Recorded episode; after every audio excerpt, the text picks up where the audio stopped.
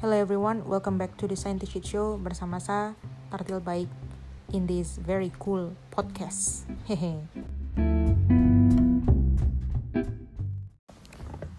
Jadi di episode kali ini saya ingin membahas dan bercerita sedikit tentang saya punya pengalaman pertama ke luar negeri. Jadi jujur sampai tahun 2014 saya adalah orang Indonesia yang sama sekali tidak punya pengalaman apa pun ke luar negeri walaupun itu hanya sebatas pergi ke Malaysia atau Singapura dan beberapa negara sorry negara-negara yang berbatasan dengan Indonesia langsung sampai saat itu kayak begitu. Jadi saya punya jangkauan traveling itu hanya sekitar Indonesia saja, Jawa, Bali, Lombok, seperti itu, Makassar, Sulawesi gitu. Selebihnya dari itu saya tidak pernah ke mana-mana. Dan Jayapura, of course. Jayapura juga itu, eh sorry, Papua juga itu saya cuma pergi ke Manokwari, ke Biak, atau ke Timika, atau ke daerah lain sampai saat itu saya hanya transit, seperti itu. Tidak pernah lebih dari uh, kayak transit, kecuali ke Manokwari. Well, untuk pertama kalinya pergi ke luar negeri untuk umur anak segitu gitu toh itu wah excitementnya luar biasa. Satu tidak menyangka kalau misalnya what? Saya keluar negeri? Itu saya kayak bingung sekali. Saya tidak tahu saya harus ngapain gitu apa yang harus saya persiapkan. Karena saya punya teman ini menginformasikan kalau kita akan berangkat ke luar negeri itu untuk urusan conference H-1 bulan. Dan dia tuh ternyata taruh saya punya nama di projectnya dia itu tanpa persetujuannya saya saya bingung sekali. Dan ketika dia sudah fix bakalan berangkat ke luar negeri itu baru dia kasih tahu dan dia bilang kita akan membahas ini til. Dia bilang begitu tuh. Saya bilang dia kok gila? Saya bilang kayak gitu kebetulan nih saya punya teman dia dari Kalimantan. Kayak begitu toh uh, dia memang anak itu otaknya inventor sekali lah. Pokoknya kayak menciptakan sesuatu gitu. Dan kebetulan dia tuh passion sekali di bidang nanoteknologi. Beliau tuh tergabung di apa namanya Nano Club Brawijaya namanya. MB oh apa sih namanya? NBC NCB kak. Itulah pokoknya. Buat teman-teman yang mungkin dengar ini dan sempat mengetahui tentang klub-klub nano-nano material seperti itu shout out to you and shout out to her. So you guys probably know each other kayak gitu ya. And I am sorry I was not one of you guys gitu. Jadi saya benar-benar outsider yang di tarik sama anak itu namanya Dwi Pujiana untuk masuk dia punya kelompok menjelaskan apa yang sudah kerjakan. Dan saya bilang kok gila? Sebelum gitu. Dia bilang saya lagi tidak baik. Dulu dia panggil saya baik. Tidak baik. Saya tahu kok lebih gila jadi kok pasti akan terima. Ini dia bilang mampus. Bilang begitu. Oke saya terima. Dia punya apa namanya tawaran yang itu tuh cuma hamin satu bulan sebelum kita berangkat kita belum persiapan apa-apa tidak ada tiket uang kita belum ada kayak begitu. Dan itu tuh betul-betul kita bingung mau dapat uang ke mana. Lari ke rektorat itu cairnya lama fakultas apa lagi dan akhirnya kita bikin proposal sponsorship gitu ya. Luckily gitu ya sekali sama bilang ini ada faktor keberuntungan karena memang waktu itu saya masih apa namanya pegang beasiswa S1 jadi saya mintalah sponsor ke apa namanya ke institusi beasiswa yang waktu itu saya dapatkan gitu toh. Maksudnya alih-alihnya itu ya supaya mereka bisa dapat nama men. Ada ada punya award yang bisa mengharumkan dong punya instansi misalnya seperti itu. Itu adalah um, apa istilahnya ya, saya punya intention untuk bisa mendapatkan dana kayak begitu. And you know what? We got it gitu. Yang awalnya kita minta 20 million rupiah dan yang jatuh itu 15 15 jetong. 15 jetong itu kayak udah wow sekali untuk ukuran anak usia macam saya di tahun 2015 dan saya punya teman. Dan ke, kebetulan yang berangkat itu satu tim itu ada tiga orang. Dari saya punya kampus itu yang berangkat itu dua orang eh dua tim tapi kita tuh masih belum kenal satu sama lain. Yang satunya tuh kelompok anak peternakan dan mereka tuh sudah kayak well prepared ada beberapa surprise yang saya tidak bayangkan di kelompoknya saya ini sampai kita pergi ke negara yang kita tuju. Anyway, negara pertama kali yang saya injak ke luar negeri itu Macau. Dan saya, you know what, I had no idea about Macau that time. Sampai akhirnya satu teman bilang kita pergi ke Macau. Dan saya mendengar kabar angin begitu tuh kalau misalnya Macau is like Asian Las Vegas dia bilang gitu. And I was like damn what? Kayak gitu tuh akhirnya saya cari-cari tentang Makau Makau itu di mana dan lain sebagainya. Dan akhirnya saya mikir kayak I think this gonna be a good place. Saya mikir kayak gitu tuh tempat ini kayaknya bakalan asik. Saya mikir kayak gitu dan saya juga tidak pernah membayangkan kalau saya punya first trip gitu ya. First traveling ke luar negeri itu adalah untuk perjalanan konferensi. That's quite fancy gitu loh. Itu perjalanan yang lumayan fancy menurut saya bukan hanya untuk jalan-jalan but we had a purpose to do something in you know in overseas gitu kan. Jadi um, saya kayak merasa this is good saya kayak gitu. This is like I don't know rezeki yang perlu saya syukuri saya mikir gitu walaupun memang kita untuk mencapai apa istilahnya mencapai sebuah kesempurnaan untuk melakukan konferensi saat itu tuh kayak tertatih-tatih sekali dan agak lebay. Jadi dramanya itu di sini saya mau kasih tahu.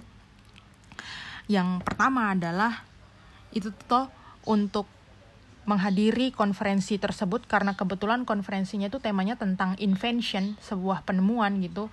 Saya punya teman dan dia punya tim yang di Nano Club ini, dia bikin sebuah alat yang itu keren sekali. Dia punya sistem itu nano. Jadi di dia tuh buat sebuah boiler buat menyerap apa ya istilahnya cemaran udara yang ada di kandang ayam yang kapasitas ayamnya tuh lumayan banyak 500 sampai 1000 ayam itu untuk menghilangkan bau bau kandang aja gitu. Nanti tuh dia punya bau kandang itu tuh gas-gas yang bau kandang itu bisa di convert atau diubah jadi kayak liquid fertilizer. Jadi pupuk pupuk cair begitu loh. Melewati alat yang mereka buat yang di dalamnya sistemnya sudah menggunakan nano. Dan kalau kalian mau saya kasih tahu deskripsi alatnya itu tuh tolong dibayangkan baik-baik. Itu mereka pakai pipa palaron palaron lagi paralon yang besar yang itu diameter tuh saya pikir 15 sampai 20 cm untuk pipa besar. Dan itu kalian tahu isinya berat kayak dong tuh isi semen. Saya tanya mereka ini isi apa kah saya bilang gitu semen? Ah bukan. Dia bilang itu isi pasir cukar deleng saya pikir kayak oh my god ini pasir dan kita bawa dua ini bagaimana? Saya mikir kayak gitu. Kita nggak bisa bawa barang banyak kalau misalnya kita punya bawaan kayak begini begitu tim yang lain dari peternakan itu dia alat tuh simple sekali. Itu besarnya kayak bisa dimasukin di dalam tas gunung lah kayak gitu. Dan mereka tuh alat kayak untuk ini. Misalnya itu bukan alat inseminasi buatan tetapi alat untuk mencampur teknologi inseminasi. Jadi kan untuk kurang lebih seperti itu ya untuk di dunia peternakan itu orang-orang harus kayak bukan orang-orang peternaknya atau si saintis itu mikir bagaimana caranya untuk menghasilkan breed yang unggul dan lain sebagainya. Jadi mungkin di alat tersebut ada sebuah pencampuran yang yang bisa jadi optimal dihasilkan sehingga mereka menghasilkan breed yang terbaik dan segala macam.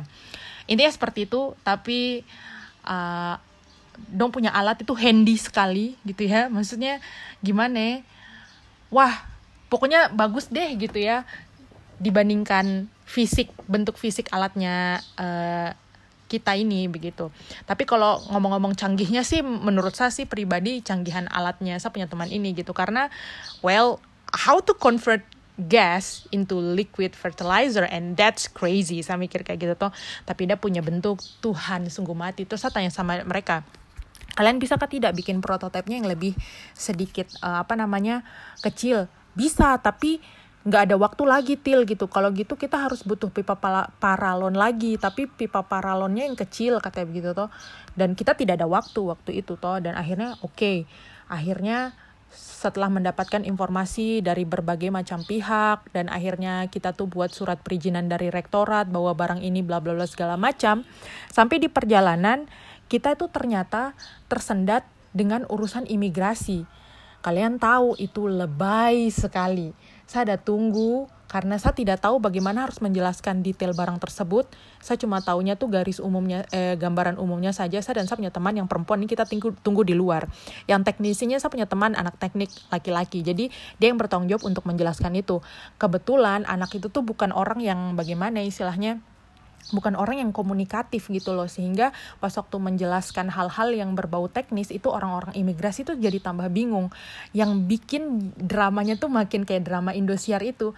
Tuhan 10 menit lagi kita mau boarding. Saya punya teman belum muncul-muncul dari ujung kantor imigrasi toh sampai akhirnya dia ada pilihan bilang ini kita ada perlombaan internasional. Itu orang imigrasi langsung putar otak oh orang ini mau mengharumkan nama Indonesia. Kamu bayangkan itu langsung dia lari.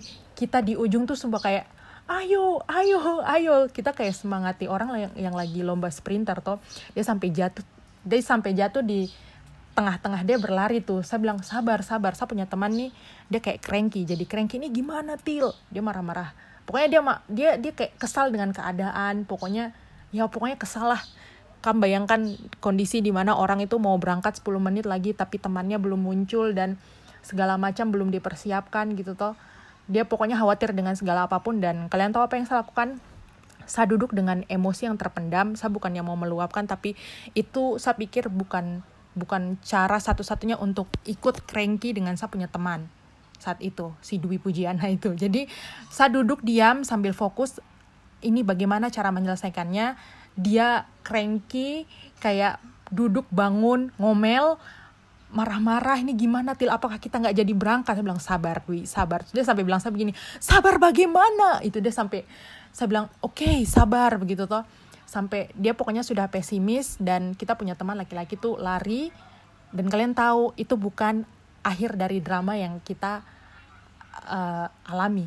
Kita pas mau masuk ke apa namanya ke gerbong pesawat itu kebetulan kita bawa jinjingan yang isi dalamannya eh, isi dalamnya itu adalah perangkat-perangkat untuk assembly si alat yang ingin kita kirim lewat kargo.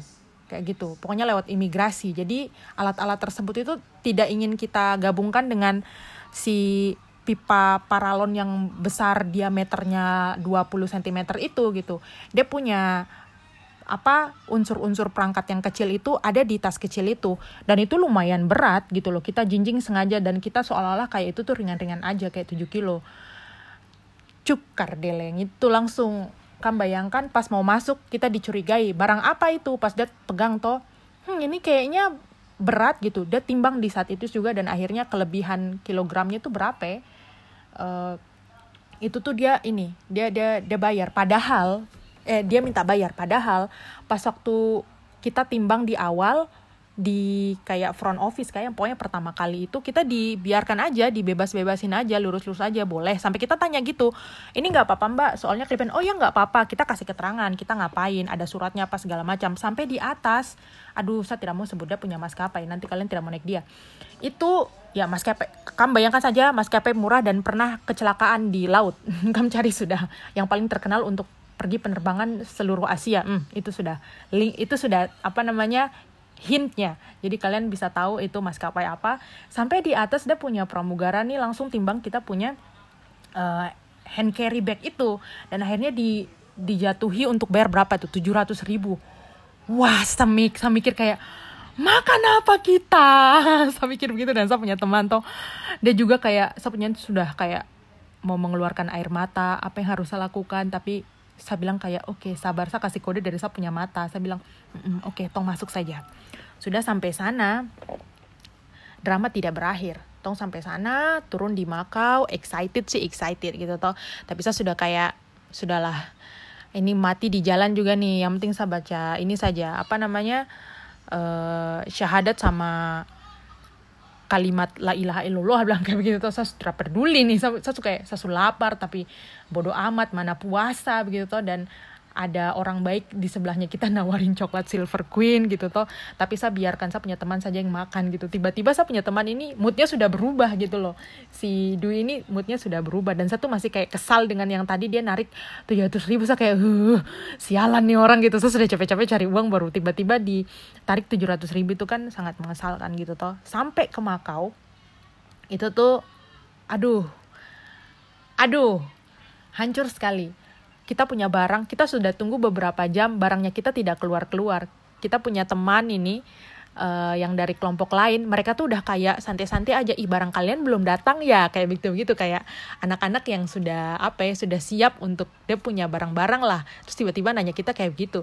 Sap perasaan waktu itu kayak iya anak ini injak nanti saya bilang kayak gitu tunggu kak atau dia pergi sendiri padahal kita sebelumnya tuh memang sudah mendiskusikan kalau kita tinggal sama-sama saja di satu motel yang sama satu penginapan yang sama. Jadi well secara nggak langsung kalau misalnya kita nunggu barang otomatis mereka juga nunggu kita gitu. Dan actually at the same time I felt sorry for them gitu tuh saya kayak merasa bersalah sekali kepada mereka gitu. Tapi ya gimana lagi kita harus menunggu barang yang sebenarnya sampai saat itu itu nggak datang datang akhirnya saya punya teman bilang begini di antara uh, saya dan saya punya teman ini di saya punya kelompok ini istilahnya saya agak sedikit barbar kalau ngomong bahasa Inggris walaupun saya tidak tahu grammar apa segala macam waktu itu sehajar saja.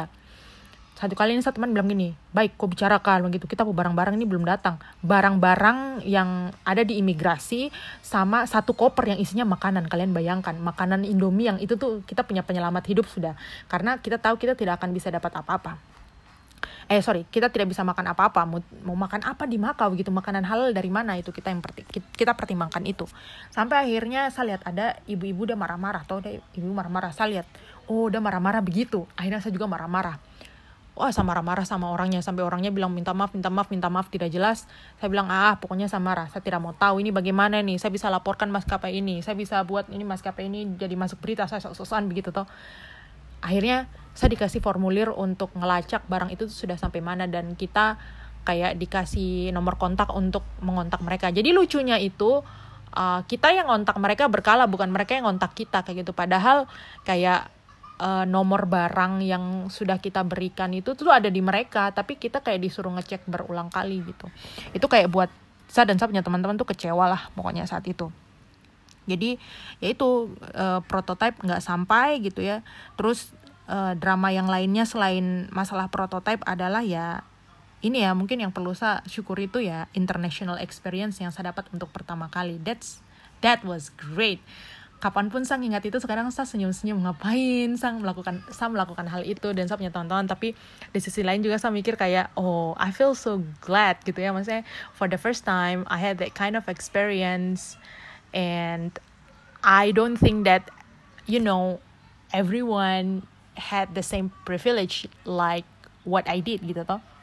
Jadi you know itu kayak something new yang saya rasakan bahwa wah ini angin-anginnya luar negeri. Oh ini oksigen-oksigennya orang di Makau. Kayak gitu. Dan uh, di situ tuh betul-betul saya menumpah ruahkan saya punya apa istilahnya saya bisa mengekspresikan hal-hal yang selama ini saya pendamkan. Kayak kalau di Indonesia ngomong bahasa Inggris malu-malu. Di sini emang saya di sana who the hell gonna complain your English gitu tuh? Mau Java English kah? Mau apa? Hmm hajar. Karena orang-orang di sana juga tidak begitu terbiasa. So I feel saya kayak free spirit yang ada di negara orang waktu itu. Sampai saya seolah-olah kayak jadi guide-nya saya punya teman-teman padahal I had no idea where to go gitu toh.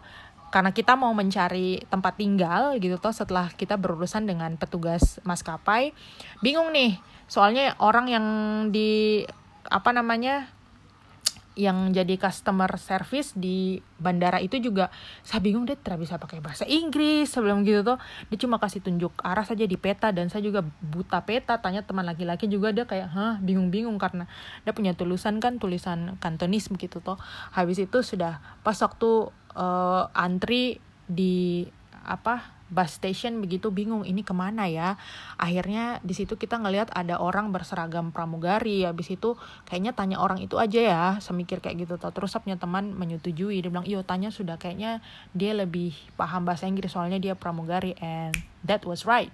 Gitu tuh. Kita langsung nanya dan akhirnya dia kayak nulisin sesuatu kamu naik bus nomor ini nanti berhentinya di sini mereka nanti bakalan ngomong uh, apa namanya bahasa Inggrisnya juga karena karena Makau itu uh, apa istilahnya jajahan Portugis tuh jadi nama-nama tempatnya itu agak sedikit Portugis Portugis begitulah katanya gitu. Jadi uh, it's quite easy to find the place you want to go katanya gitu. Jadi kalian berhenti di sini berapa stop dan lain sebagainya gitu. Bayarnya sekian mereka kasih tahu.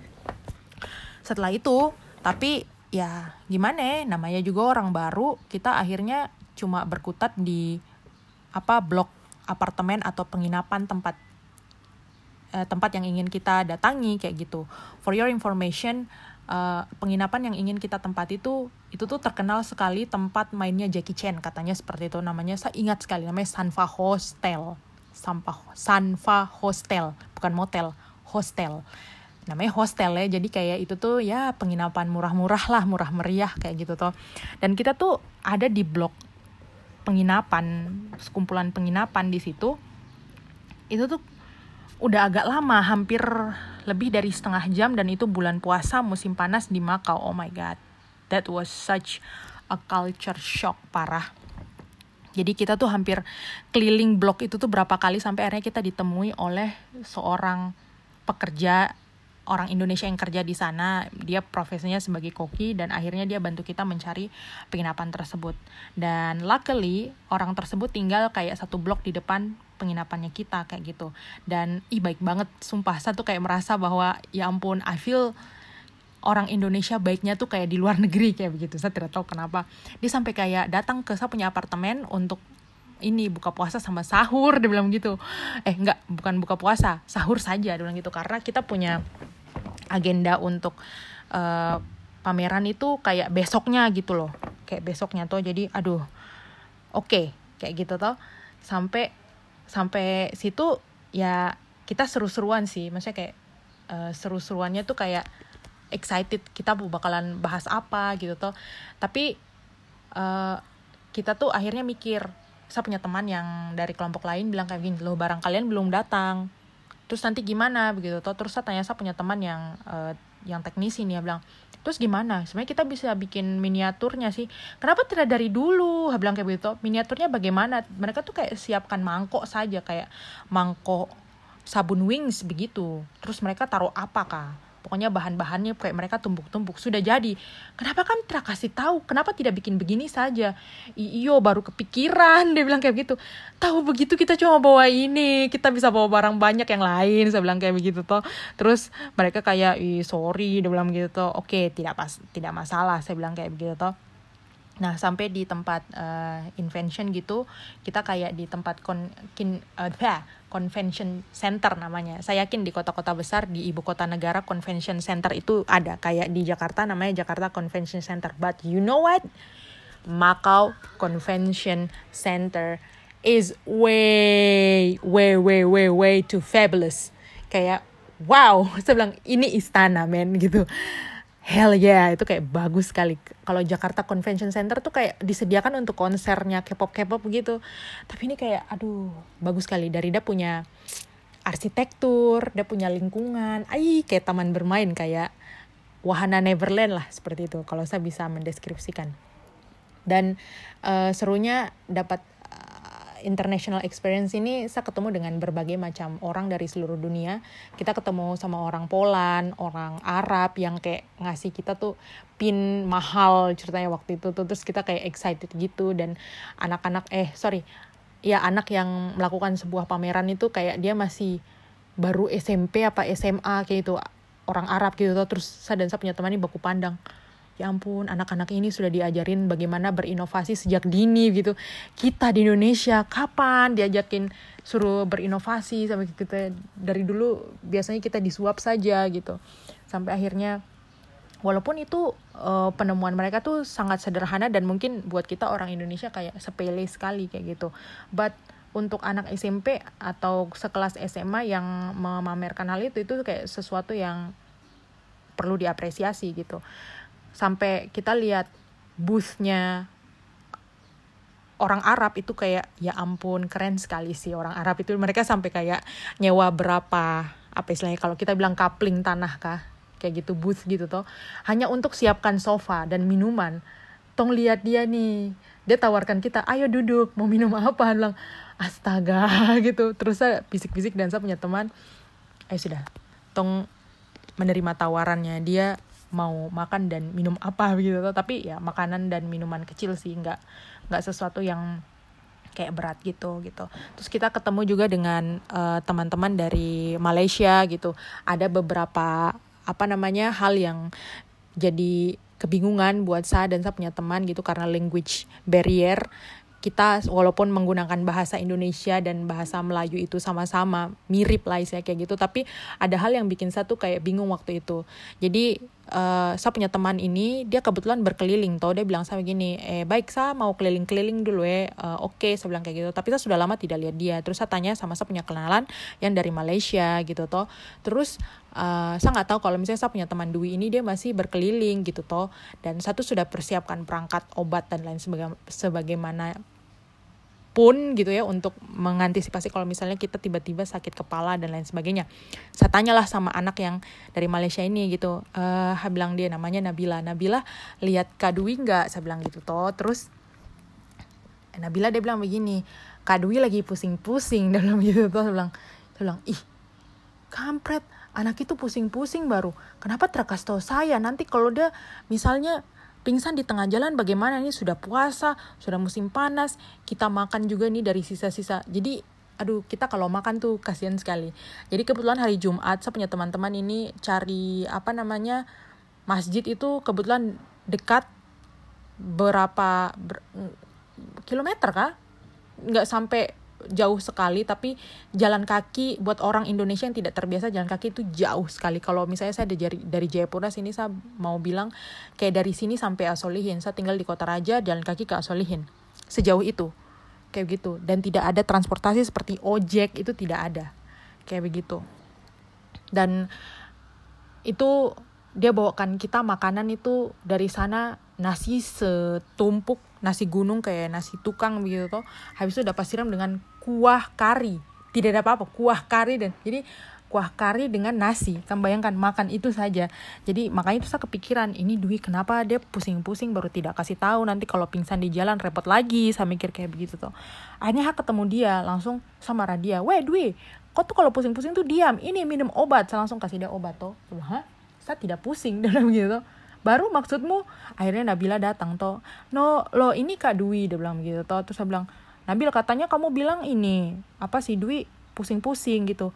Oh I mean uh, looking around kayak gitu. Ya ampun saya sampai kayak mm, yo looking around lagi sudah saya bilang begitu tuh. Jadi akhirnya kita mentertawakan kebingungan kita masing-masing gitu toh nah yang berikutnya adalah uh, experience, uh, international experience yang saya dapatkan itu ketika kita berkawan dengan ada teman dari Taiwan begitu toh. Nah, dia tuh juga buat invention yang sebenarnya sih menurut kita tuh kayak kok gitu sih, tapi berguna gitu loh.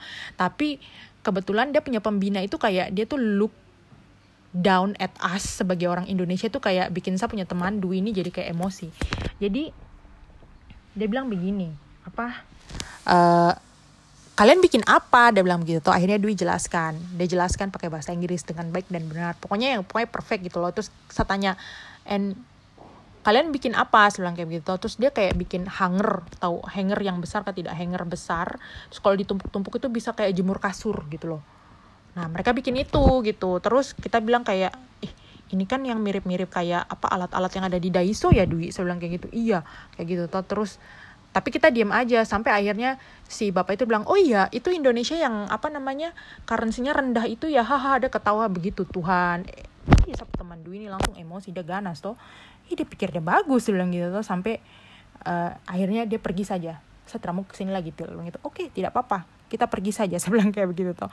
Dan itu adalah sekelumit kisah tentang international experience yang kita dapatkan di hall invention itu gitu. Ya ada sedikit lucu-lucu dan menyenangkannya gitu. Dan kita kayak ketemu ada orang yang cantik sekali kayak Kristal FX gitu ya Kristal Jung kalau kalian tahu anak-anak K-pop tuh cantik sekali dan dia bisa menguasai berapa bahasa dia cantik sekali dan dia tuh kayak jadi apa ya LO-nya kita kayak begitu pokoknya udah keren lah kayak gitu. Nah selain itu mungkin uh, yang saya dapatkan di sana dan saya punya teman-teman adalah culture shock ya karena karena mungkin kita di sana baru tahu kalau kita baru pertama kali menginjak negara dengan empat musim berbeda jadi musim panasnya itu kayak wow musim panasnya heat really different. Jadi kalau misalnya kita di Indonesia musim panas mungkin kita bisa tahan-tahan tidak pakai kacamata. Karena kalau orang lihat kita dikira orang buta dan ditertawakan tapi di sana kayak wajib pakai kacamata. Kalau tidak itu kayak rasa buta sekali. Kayaknya dia punya sinar UV tuh tinggi sekali yang bisa merusak kulit. Dan kita tidak mempersiapkan segala macam itu gitu.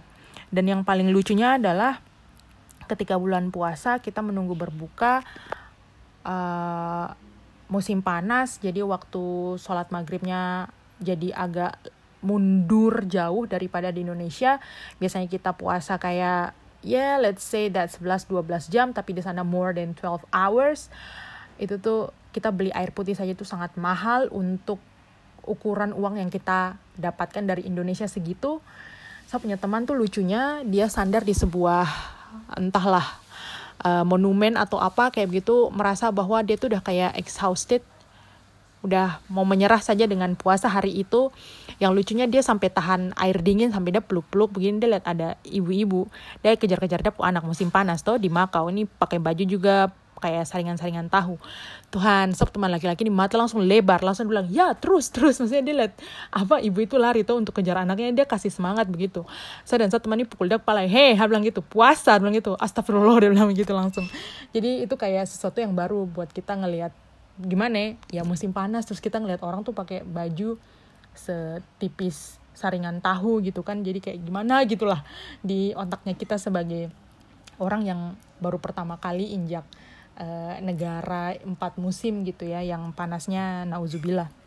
Sama yaitu mungkin sistem sanitasinya yang mungkin kita tidak terbiasa orang-orang di sana tuh kayak pakai tisu dan lain sebagainya. Padahal memang kita bisa akali buat uh, akhirnya setelah maksudnya melakukan uh, beberapa perjalanan lagi gitu tuh akhirnya saya bisa menyadari maksudnya mengakali bagaimana caranya untuk uh, membiasakan diri di sistem sanitasi yang berbeda dengan yang ada di Indonesia kayak gitu.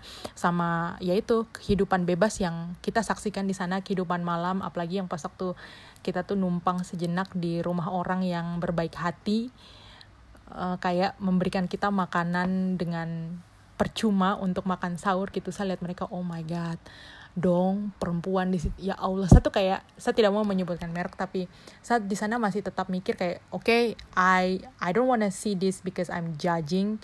Kalau kalian bilang saya judging yeah I'm judging because I I I I don't used to see something like that gitu loh. Karena mereka juga muslim gitu ya mereka tinggal di dalam satu flat yang itu tuh oh my god uh, jadi selepas mereka puasa puasa gitu ya tapi pas waktu um, udah buka sampai menjelang sahur gitu ya makanan mereka seperti kembali seperti biasa gitu ya minum minuman keras gitu ya. Tapi waktu itu ya mereka tahu kita semua pada berjilbab toh yang cewek-cewek jadi mereka nggak nawarin jadi kita makan apa dong? Makan mie makan mie goreng sama kebetulan mereka adalah seorang koki gitu. Jadi dia bawain beberapa makanan sisa yang itu sekiranya bisa kita makan gitu. And we still thankful for that gitu ya. And shout out to them gitu ya. Saya berharap mereka dalam kondisi yang sehat karena mereka sudah berbaik hati sama kita kayak gitu. Dan mungkin uh, di sana tuh terakhir adalah culture shocknya adalah hati-hati kalau kita bicara gitu ya. Hati-hati dalam dalam membicarakan sesuatu itu karena uh, well mungkin um, apa ya isu LGBTQ tidak se se, se semarak sekarang gitu kali ya. Jadi kita tuh kayak ngelihat the real apa transgender di situ tuh kayak wow apalagi saya yang jarang sekali lihat kayak begitu. Saya kayak oh my god nggak pernah ke saya nggak pernah ke Thailand tapi lihat transgender apa namanya Mako tuh kayak hell yeah they are freaking cute gitu toh. Sampai uh, apa namanya saya punya teman atau satu kalau nggak salah atau saya punya teman laki-laki bilang dia sebut sebutan B sorry saya sebutnya dia bilangnya mungkin banci kayak begitu. Terus kebetulan dia kayak balik ke belakang kayak gitu. Habis itu kita menceritakan lah pengalaman itu kepada mbak-mbak yang kita temui yang menolong kita mendapat eh, mencari hostel itu.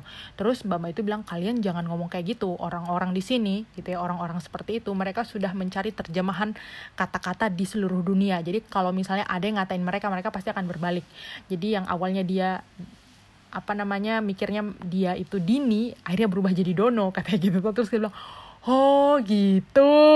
Jadi akhirnya ya sudah kita tidak apa namanya kita akhirnya mensil mulut kita agar oke okay, be careful gitu ya. Dan hal yang mungkin saya kagumi dari Makau adalah tempatnya sangat bersih gitu ya bersih terus uh, orang-orangnya teratur gitu. Dan uh, saya senang saja tempatnya rapi gitu ya dan mereka sangat taat sama uh, aturan. Hal lain yang paling saya senangi adalah uh, mungkin uh, ya walaupun mereka adalah negara dengan you know jumlah kasino terbesar tempat main judi tapi itu kayak mungkin ya itu adalah bentuk perputaran perekonomiannya mereka gitu ya. Jadi gedung gedung kasino tuh tinggi gede-gede. Jadi itu kayak ada beberapa lapis mungkin berapa lantai itu untuk kasino berapa lantai untuk hotel dan berapa lantai untuk mall. So mungkin uangnya mutar di situ kali ya. Dan pengalaman yang paling seru adalah ketika pertama kali sa masuk ke kasino hanya untuk lihat-lihat aja karena haus gitu ya. Jadi mbak ini bilang gini oh ada minuman di kasino. Kalau mau kita masuk ke kasino dan kalian bisa ambil air minum sebanyak sebanyak banyaknya daripada kalian beli kata gitu and then yeah kita hanya masuk kasino untuk mendapatkan minuman air mineral yang gratis gitu. Dan lucunya ternyata waktu itu saya punya teman yang laki-laki itu tuh karena dia mungkin anak akselerasi kali ya dia nggak seumuran dengan kita setahun lebih muda dia nggak bisa masuk ke kasino karena umur dia belum mencukupi. And that was freaking funny. We are all 19 years old cuma dia sendiri yang kayak 18 years old so okay you guys stay outside gitu ya. Dan yang paling lucu tuh saya yang saya ini yang pakai jilbab besar yang diantisipasi dikiranya seorang teroris tapi saya punya teman yang pinjam saya punya jilbab yang warna, jilbab yang warna hitam itu yang malah ditahan karena mukanya dia kayak buronan yang ada di Makau itu. Tuhan saya ketawa sampai hancur di dalam bilang kok kira saya yang teroris kau yang buronan bilang begitu.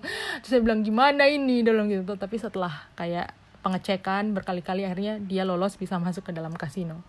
Yeah that's all. Dan akhirnya uh, well even though we only had apa ya istilahnya kayak small prototype gitu. Kita kayak bawa dua award gitu dari sana dan thanks to my friends gitu ya dan semua kejahilan kita gitu di sana. Ya kita pulang bawa dua award yang itu lumayan uh, prestigious lah gitu. Dan istilahnya bisa kayak ngembaliin semua uh, uang yang sudah kita keluarkan gitu setelah balik ke Indonesia. Kayak gitu ya yeah, that that was nice gitu loh punya pengalaman seperti itu. Uh, yang paling lucu adalah pas kita mau pulang hari H kita mau pulang barang itu baru datang. Barang prototipe yang besar itu yang tingginya berapa kurang lebih satu setengah meter. Ada dua tabung tinggi satu setengah meter yang berat takar ruang adat. Sampai akhirnya saya, saya bilang kayak begini Til ini mau diapakan? katanya saya punya teman toh terus saya bilang buang kok gila kita buang di mana? Ada tempat sampah itu buang. Sebelah kayak begitu. Kok gila kamu bawa bawa kayak begitu? Dia sudah datang sampai sini baru yo baru kita mau bawa ke Indonesia. Tidak sebelah kayak begitu. Bayar dia punya imigrasi. No. Sudah kita sudah cukup kelaparan di sini dan mau mati. Barang itu buang. Sebelah kayak begitu. Terus dia bilang oh ya sudah. Akhirnya kita buang dan kita pulang dengan sangat gembira. Walaupun kita kita tidak bisa me, mempresentasikan alat yang besar itu gitu. But yeah we still happy though. Kayak gitu. Hahaha